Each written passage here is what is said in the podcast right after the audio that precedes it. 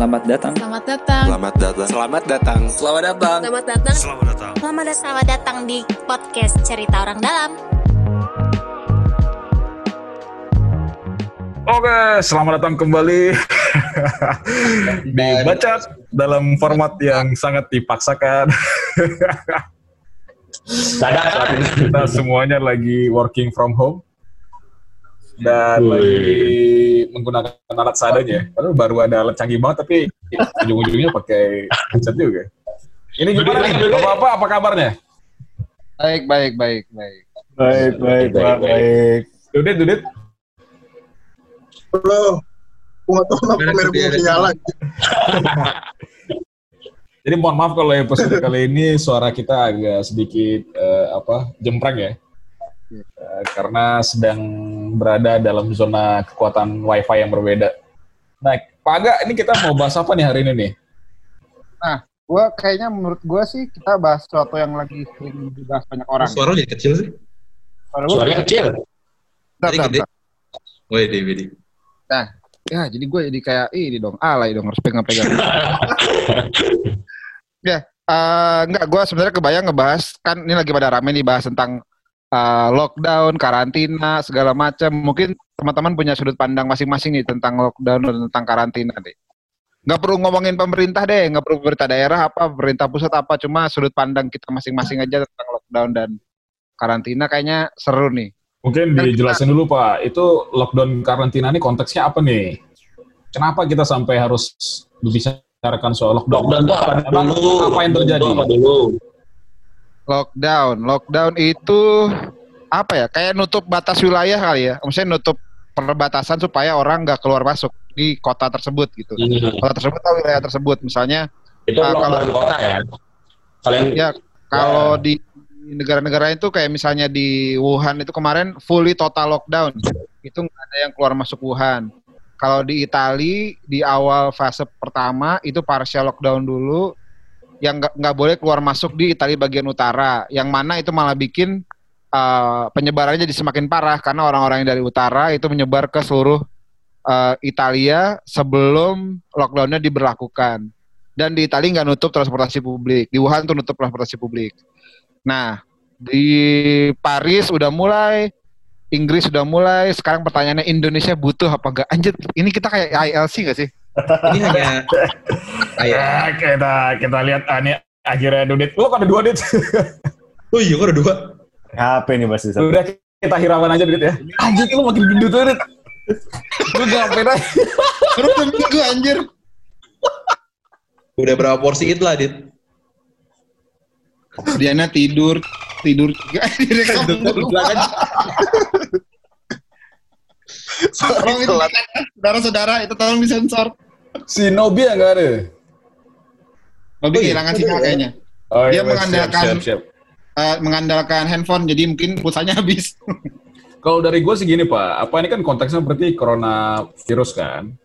Kalau dari gue sih melihat juga yang tadi lo bilang kan lockdown itu juga nggak selalu efektif tuh gitu. Pertimbangannya kan banyak nih.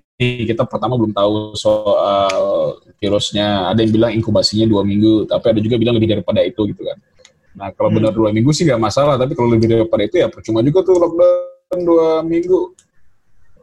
Setelah Dua lockdown minggu habis nggak keluar, eh virusnya masih ada sebenarnya. Hmm. Dua minggunya gak serentak jadi bingung. Gimana maksudnya nggak Gitu. serentak? Ya misalnya kita dari dari kantor kita nih udah mulai work from home dari tanggal satu misalnya. Tapi itu nggak berlaku di kantor-kantor lain. Kantor-kantor lain baru mulai di tanggal 8. Nah berarti nanti di tanggal 14 kantor kita selesai WFH, tapi kantor-kantor lain belum. Jadi nggak nggak nggak nggak bareng gitu loh aneh nggak sih? Ya kita nambah lagi WFH-nya dong, nyesuaiin yang lain Nah, dong. Iya pak. Itu dia kita nggak habis-habis berarti WFH-nya. itu emang dasar lo males aja sih. Udah di kasur aja tuh tiap hari. Kalau Farel sama Oki gimana Ki? Kalau Farel gua, sama Oki. kalau gua sih, kayaknya pengertian lockdown itu akan beda-beda dan bentuknya akan beda-beda kalau setiap negara sih. Karena eh, kalau Tweet, misalnya kalau misalnya tipe kayak kita kan agak sulit tuh kalau misalnya emang lockdown dalam artian lu harus di rumah nggak boleh ke mana-mana gitu. Karena banyak juga orang-orang yang bergantung pada kebutuhan atau pada upah harian kan, kayak sektor informal kan Hmm. banyak banget tuh di di kita gitu. Tapi kalau misalnya lockdown dalam artian membatasi membatasi orang luar masuk itu mungkin ya. Ya.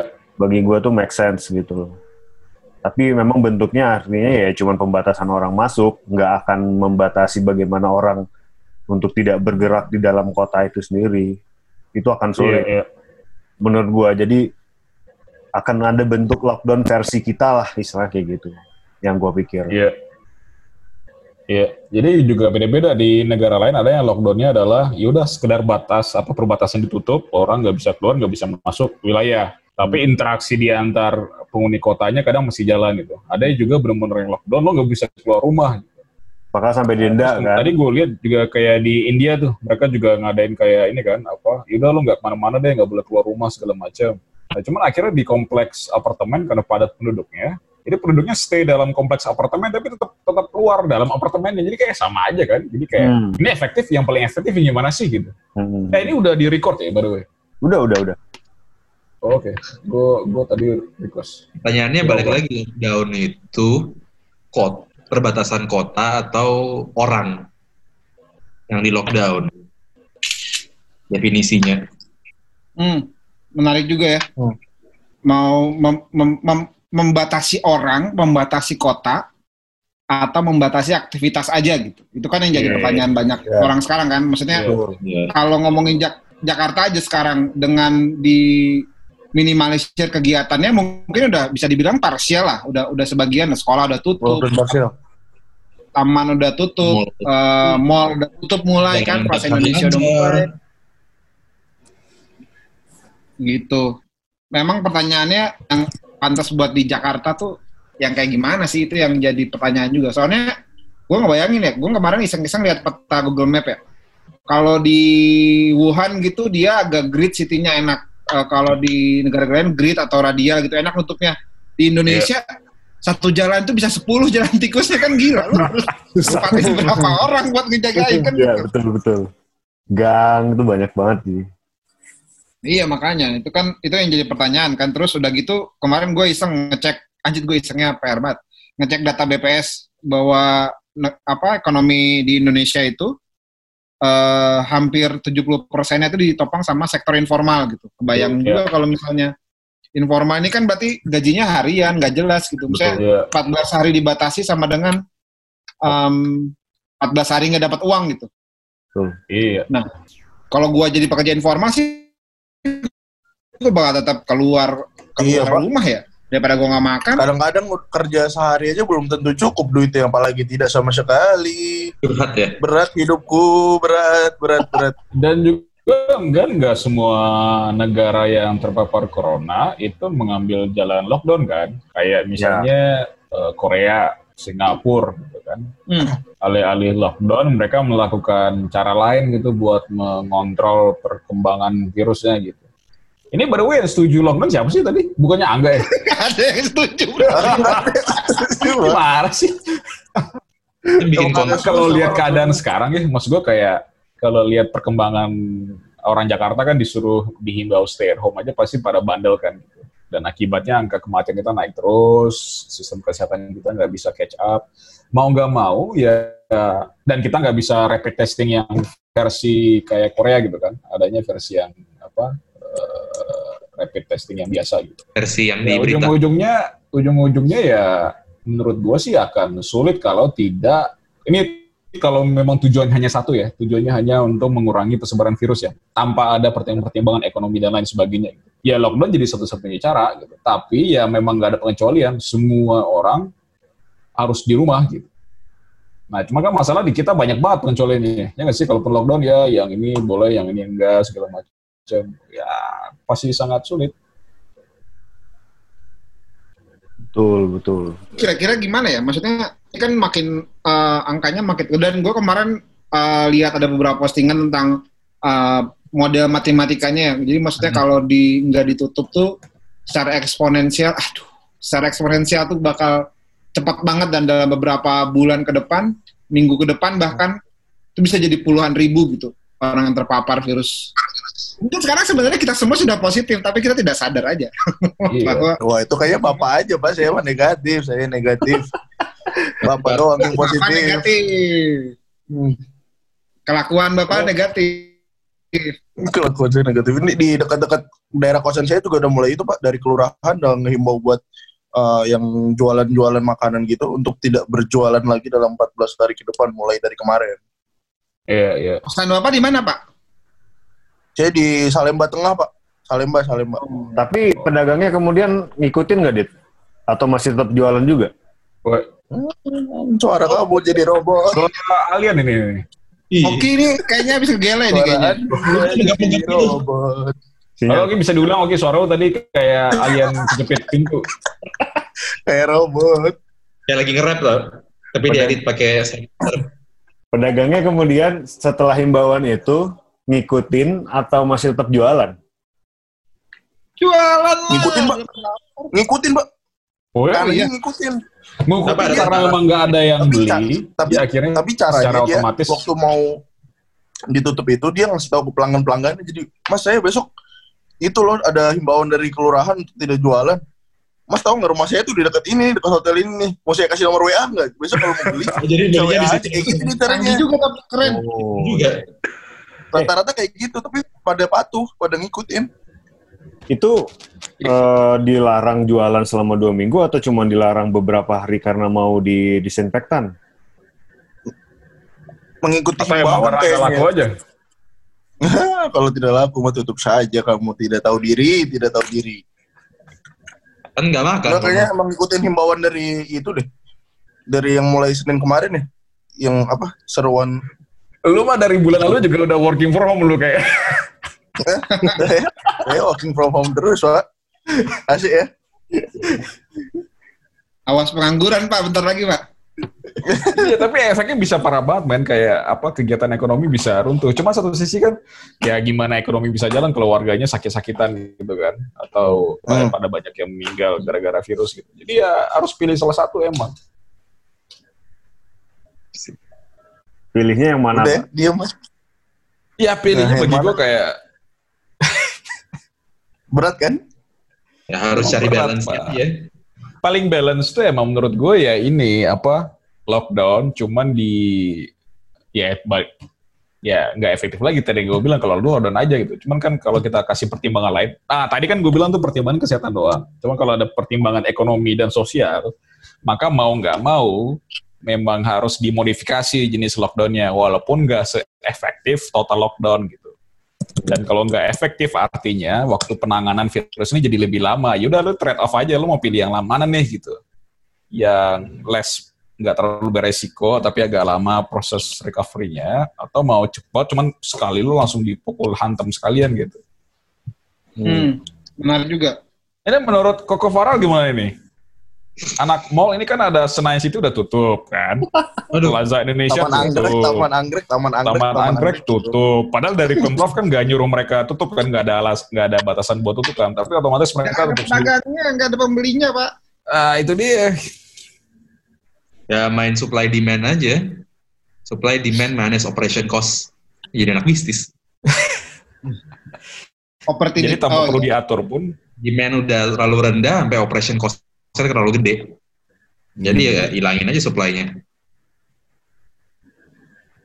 Wah, Iya, Emang kemarin gue beberapa hari yang lalu juga liat masuk ke mall ya, ke GI gitu. Ke GI itu seminggu Ya. lalu lah.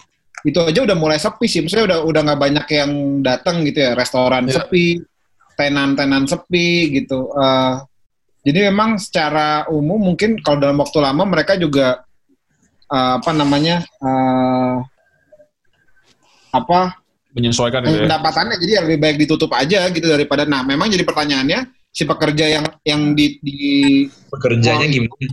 tetap dapat duit apa enggak itu kan jadi pertanyaan sekarang kan Ya. Ya enggak lah, itu kayak Udah sih kalau untuk seminggu dua minggu sih mungkin masih bisa. deh. Tapi kalau udah sebulan nggak tahu.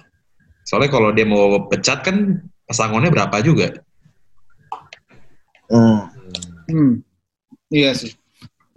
Tapi yang pasti sih apa kayak ini semuanya sulit kan. Maksud gue nggak akan ada ya ekspektasi lo nggak akan bisnis lo pasti akan turun gitu. Hmm. Ya, mau gimana lagi kan kayak nggak terhindarkan ya nggak sih? Tapi pemerintah Nah pertanyaan kemudian adalah apa yang bisa dilakukan oleh pemerintah dalam hal ini pemerintah pusat dan pemerintah daerah? Saya nggak mau bahas ginian. kata nggak mau pemerintah, bapak punya mana bapak ini? Oh iya iya iya. Enggak, maksudnya, Saya nggak mau bahas pemerintah daerah pusat. it's for people, people apa ya? Ini untuk kebutuhan masyarakat sih. Apa yang harus dilakukan oleh Pemkot Surabaya? Dengan Pemkot Solo. Eh, tapi menarik loh Pemkot Solo itu statementnya kemarin. Apa dia Apa, apa? apa? Lebih baik dimarahin sama orang apa ya? Sakit.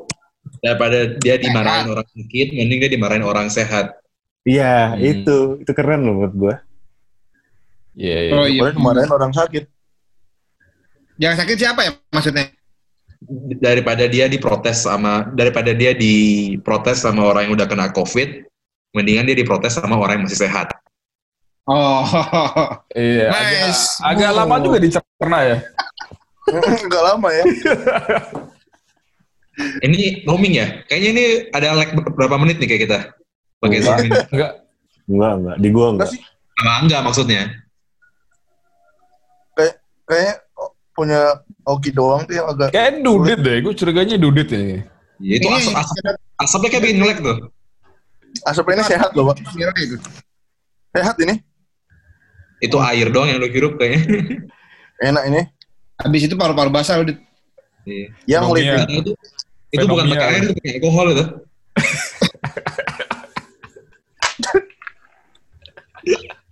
Enak Aduh, ini hari ini statistiknya udah berapa Pak yang meninggal terkena ini?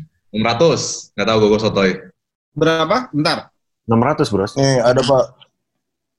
Kok Hari ditutup? ini, Berapa, Dit? Bentar, saya buka lain dulu. Per hari Ah. ini yang, pos- yang positif 686 orang, yang negatif 2117, yang sembuh 30, yang meninggal 55. Ini menarik juga sih Pak, banyakan yang meninggal daripada yang sembuh Pak. Di negara kita ini Pak. Iya, dan sebagian juga tenaga medis ya. Betul. Tapi Per hari pertanyaan kalau dilihat naiknya 60 orang per hari. Iya, dan itu juga ini Pak, Rata-ratanya. maksudnya di luar sana pasti kasusnya lebih gede lagi, cuma nggak terdeteksi kan? Belum ketahuan betul sekali Pak. Iya. Terus stigma terhadap orang-orang medis itu juga ngeri banget ya belakangan ini. Iya. Ih, Pak kalau lihat foto-foto itu apa eh, yang medis-medis yang nanganin corona itu ya Allah Pak APD-nya mengerikan sekali pakai jas hujan yang sepuluh ribu aku menangis Iya, Dan melihatnya. tragisnya, ter- tragisnya Jakarta sebenarnya pasti. adalah Indonesia tuh juga produsen APD sebenarnya kan. Cuma dikirim Hmm. diekspor ke luar negeri. Ya nggak sih? Iya kemarin gue lihat lihat foto tuh dapat dikirimin bantuan dari eh apa Korea katanya beli dari Korea, Iya. tapi tulisannya made in Indonesia pak. Made in Indonesia. Nah. Katanya nggak jadi diekspor. Berarti selama ini kita tuh bukannya nggak ada, cuma semua diekspor keluar gitu. Iya. Hmm. Dan mas gue tuh Dan masker juga gitu. Iya, gue kebayangnya gini sih, gue gini gini. Kan kan dunia ini sudah mulai berheboh corona ini kan COVID-19 ini kan dari Desember dan Januari ya. Namanya COVID aja kan coronavirus Desember Ya. 2019 gitu. Hmm. Gua ada lag dari Desember sampai Maret. Kalau lu udah memprediksikan ini dengan benar, harusnya tuh Desember ke Maret, lu tuh udah nyetok kebutuhan Iya. nasional tuh berapa, lu udah memperhitungkan kan? Berapa sih kebutuhan nasional lu? Berapa sih masker? Berapa sih APD-nya? Nah, Iya. lu stok dulu kayak bulog gitu, habis itu baru lu ekspor lah. Ini di stok aja belum. Cuma kan masalahnya kan beberapa bulan lalu kita kan enteng, Pak. orang Indonesia masih percaya COVID itu mati di tempat panas. Iya, katanya kan virusnya bisa sembuh sendiri. Iya. Jadi Terus ada- wajar aja cuma Pak, yang- responnya adalah yaudah. Yang lucu ini Pak, apa sadar nggak sih? Ini dari Twitter. Sadar nggak sih? Sejak petinggi Sunda Empire tertangkap, tataran bumi jadi hancur. iya. itu pertanda.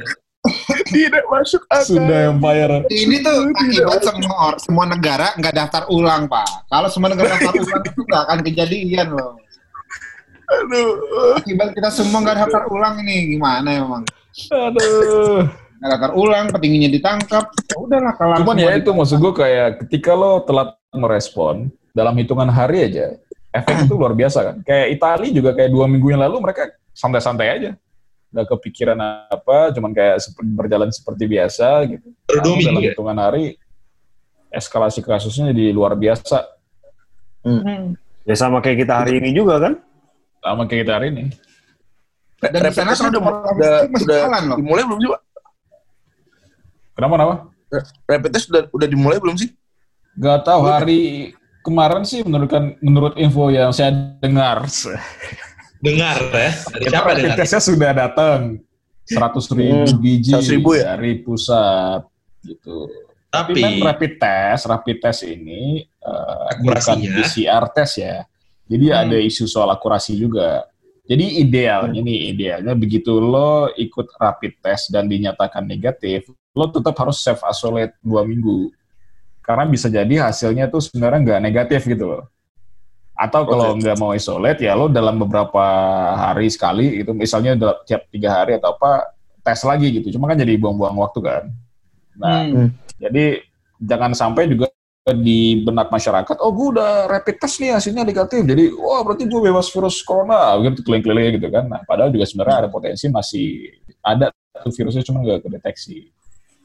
Cuman kan ini juga buat nenangin orang kan, setidaknya ada precaution lah, oh gue udah tes gitu. Idealnya memang seharusnya PCR tes dan waktunya jadi lebih lama memang, masa tunggunya lebih lama dan lebih mahal. Bapak pen- pen- penasaran pada pengen tes nggak sih? Saya, saya kok pengen nyobain tes ya? Yes. Bapak corona tidak itu. bersalah. Bapak jangan cari masalah. Alat terbatas. Enggak Iya, ini saat ini menurut informasi yang saya dengar ya itu nggak nggak kayak tes massal pak jadi kan kemarin itu kalau di Bandung kan katanya mau tes massal di stadion ya memang nggak kayak gitu Iya. tuh nah di Jakarta rapid test itu digunakan buat membantu penyelidikan epidemiologi jadi kayak kontak tracing Hmm. jadi nggak untuk semua orang jadi misalnya nih eh, apa eh, ada orang terinfeksi corona, terus kemudian dinkes pasti melakukan penyelidikan kan ini kontak dengan siapa nih? Gitu. Orang-orang yang rentan atau yang dianggap eh, kontak dekat, itulah yang kemudian target pertama untuk diberikan rapid test ini, begitu. Jadi bukan kayak kayak lo antri di McD habis itu kayak di tes gitu atau kayak di Korea gitu. Kita belum sampai tahap itu sih, karena dukungannya juga. Itu nanti- dukungan. Tesnya itu eh, si orangnya dihubungi atau si yang tesnya datengin orangnya? datangan kalau lihat yang kemarin kan dihubungi dan didatengin kan. Oh. Itu. Hmm. Tapi yang Asik di ya. Korea itu perlu di highlight itu bed itu bukan rapid test, itu PCR tapi masal aja Yang di mana? Korea. Iya, Korea itu PCR eh, massal. Baik aja. Jadi massive testing cuma lewat PCR ya. Jadi Jadi bukan bedanya- rapid testing yang pakai alat kayak test pack gitu. Iya. Jadi bedanya Jadi PCR sebenarnya- dengan rapid test itu apa? Nah, itu penting tuh. Bedanya PCR belum sama rapid test. Apa yang dites di PCR, apa yang dites di rapid test. Supaya Sebenarnya saya kita mau ini dulu lah definisinya dulu nih. Kalau rapid Saya mau itu ambil Gojek dulu, kan. Mau ambil Tes makan dulu cepat. ya? Itla lagi deh. Oh, Jadi kayak instan gitu. Ini loh jam dalam 10. hitungan dalam hitungan 10 menit udah bisa eh, mendeteksi gitu. Sedangkan yang PCR itu lebih kepada pemeriksaan. Gue nggak tahu bahasa medisnya apa ya. Pokoknya yang diperiksa lo tuh diambil swabnya deh gitu. Swab test di kerongkongan lu diambil terus dianalisa di laboratorium pakai mesin segala macam baru keluar hasilnya. Nah kalau yang kita lihat beberapa hari ini kan rapid test itu kayak darah gitu kan taruh ke mesin habis itu muncul garis gitu. Nah itu yang eh, rapid test yang sekarang diasumsikan rapid test di Indonesia itu seperti itu. Gitu. Nah kalau di Korea ya rapid test juga, jadi nggak eh, nggak secepat yang rapid test yang 10 menit keluar, tapi juga nggak selama yang kita lakukan saat ini gitu. Jadi mereka apa memang ekstensif dukungan teknologinya gitu. Nah, pertanyaan kan gini, tadi dengerin Pak apa Pak Yuri ya, Pak apa juru bicara dia bilang em, kalau rapid test itu dia ngetes antibodi di darah. Jadi orang yang ketahuan positif itu kalau tubuhnya udah produksi antibodi kan. Iya. Berarti yang tadi Ade bilang kalau dia belum produksi antibodi berarti kan belum ketahuan. Dia masih apa istilahnya false negatif. Dia Iya, masih iya. false negatif gitu dan dan itu yang juga jadi kekhawatiran kalau semua orang nganggap itu false negatif.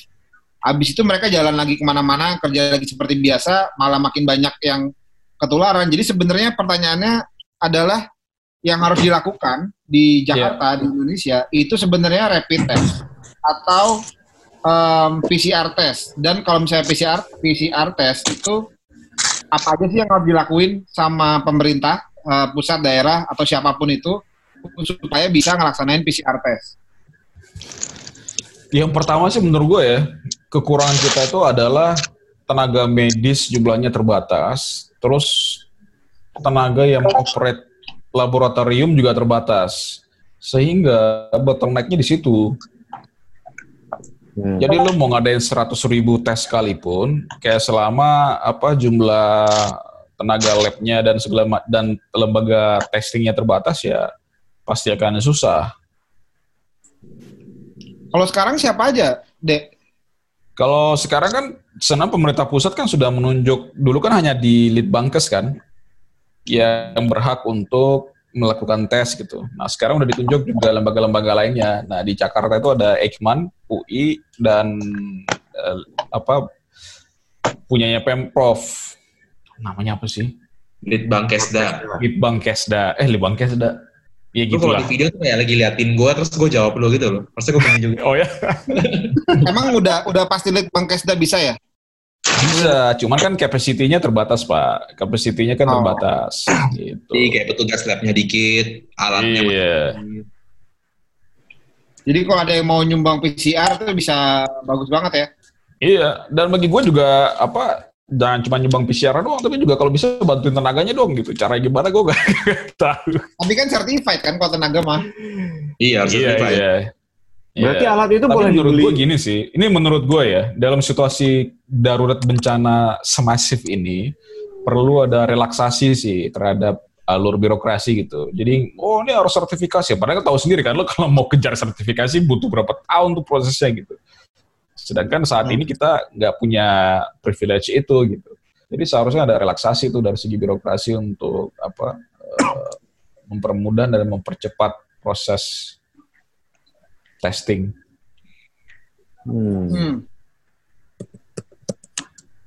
Menarik juga nih dari bahas lockdown terus bahas testing. Jadi kalau gua boleh simpulin dikit gini ya, berarti kalau misalnya kita mau nge-lockdown tanpa testing juga percuma, testing tanpa pembatasan aktivitas juga percuma ya berarti ya. Iya. Sebenarnya yang penting Itu harus satu paket sih. Jadi once lo bilang lo mau lockdown, kan sebenarnya lockdown itu memberi waktu pertama buat orang yang sudah terpapar itu dapat dirawat dengan jumlah tenaga medis yang terkontrol gitu kan. Jadi tenaga medisnya nggak Hmm. kewalahan. Gitu. Jadi yang udah sakit itu dirawat, fokus dirawat. Tapi sambil kita juga harus melakukan tracking, tracing. Nah, Hmm. dalam periode dua minggu yang inkubasi itu tentu ada orang yang di hari ke-8 tiba-tiba merasa, oh kok gue ternyata menunjukkan gejala-gejala kena coronavirus nih gitu. Hmm. Nah, tracing ini dilakukan untuk oke, berarti lo harus dikeluarkan dari kerumunan dan kemudian lo diidentifikasi lo kontak dengan siapa aja nih dalam periode-periode berapa hari ini gitu. dan kemudian Hmm. kontak itu dihubungi. Jadi melokalisasi. Nah, maka nggak ada artinya menurut gua kalau lo lockdown tapi nggak kemudian intensifikasi proses apa tracingnya gitu. Hmm. Betul, betul, betul, betul. Menarik sekali ini memang pembicaraan tentang corona. Iya. Comeback tuh Nobi masuk Tapi lagi. sampai kapan kira-kira nih berakhir ya? Maksud gua kayak impact-nya kan lumayan gede ya. Gede banget, Pak. Dua minggu Tadi gua baca berita. Sorry, sorry, mati-mati. 6 April. Masa darurat masa daruratnya aja sampai 29 Mei ya Pak kalau nggak salah.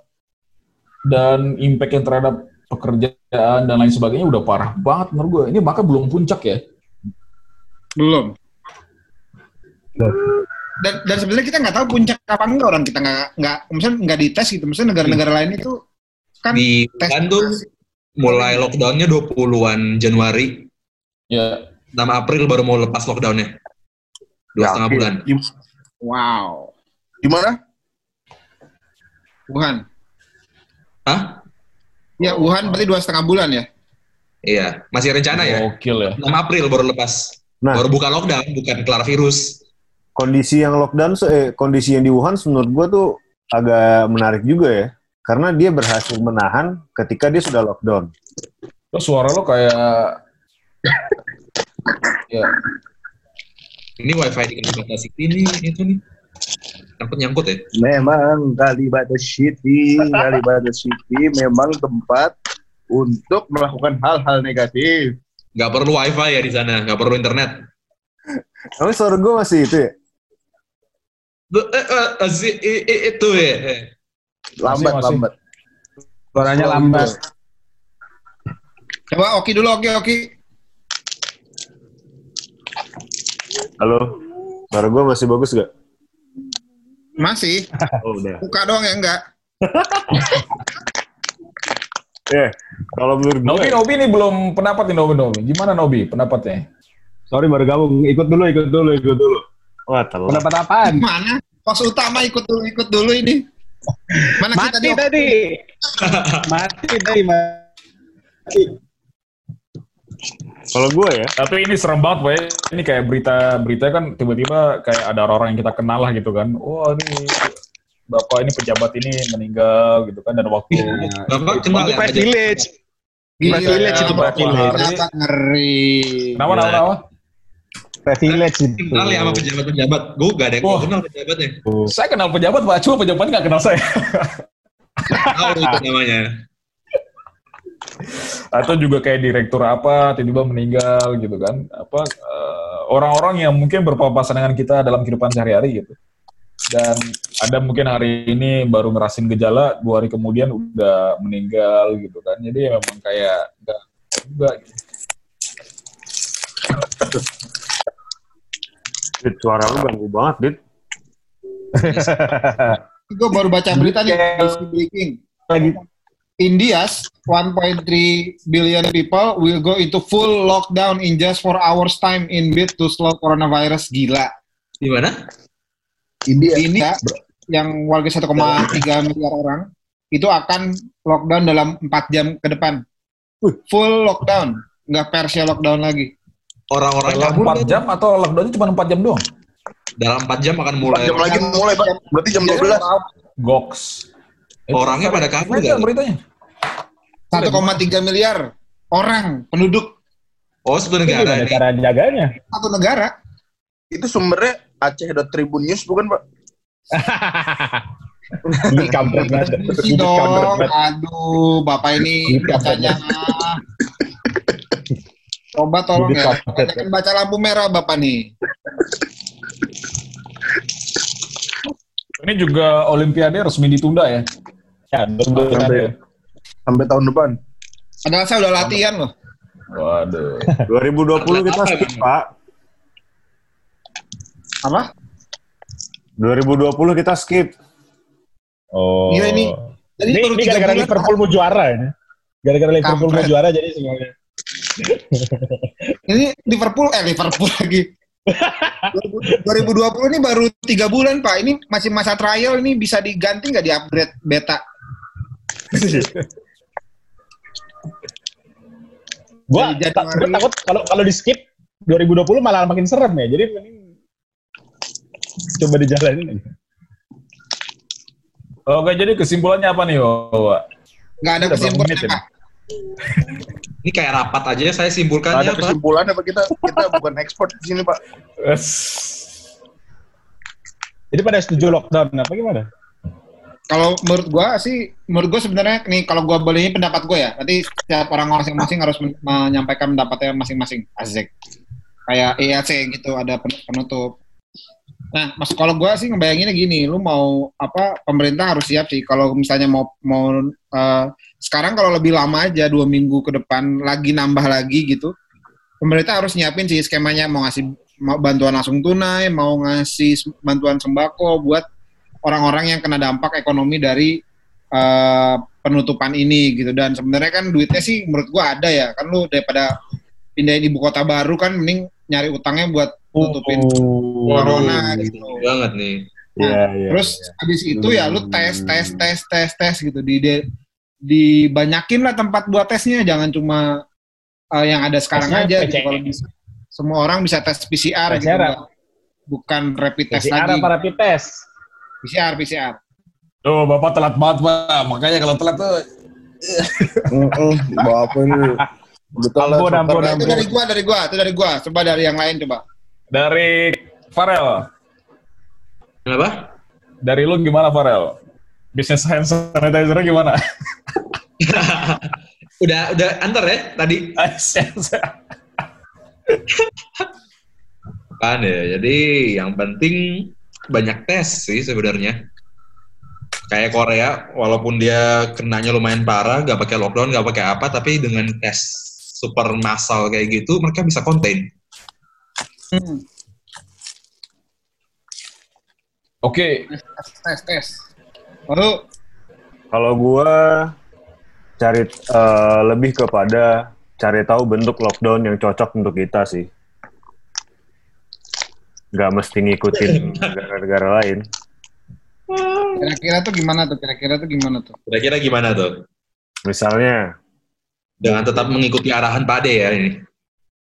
misalnya Pak Joko. mungkin Bukan Pak Dekowi. sama aja.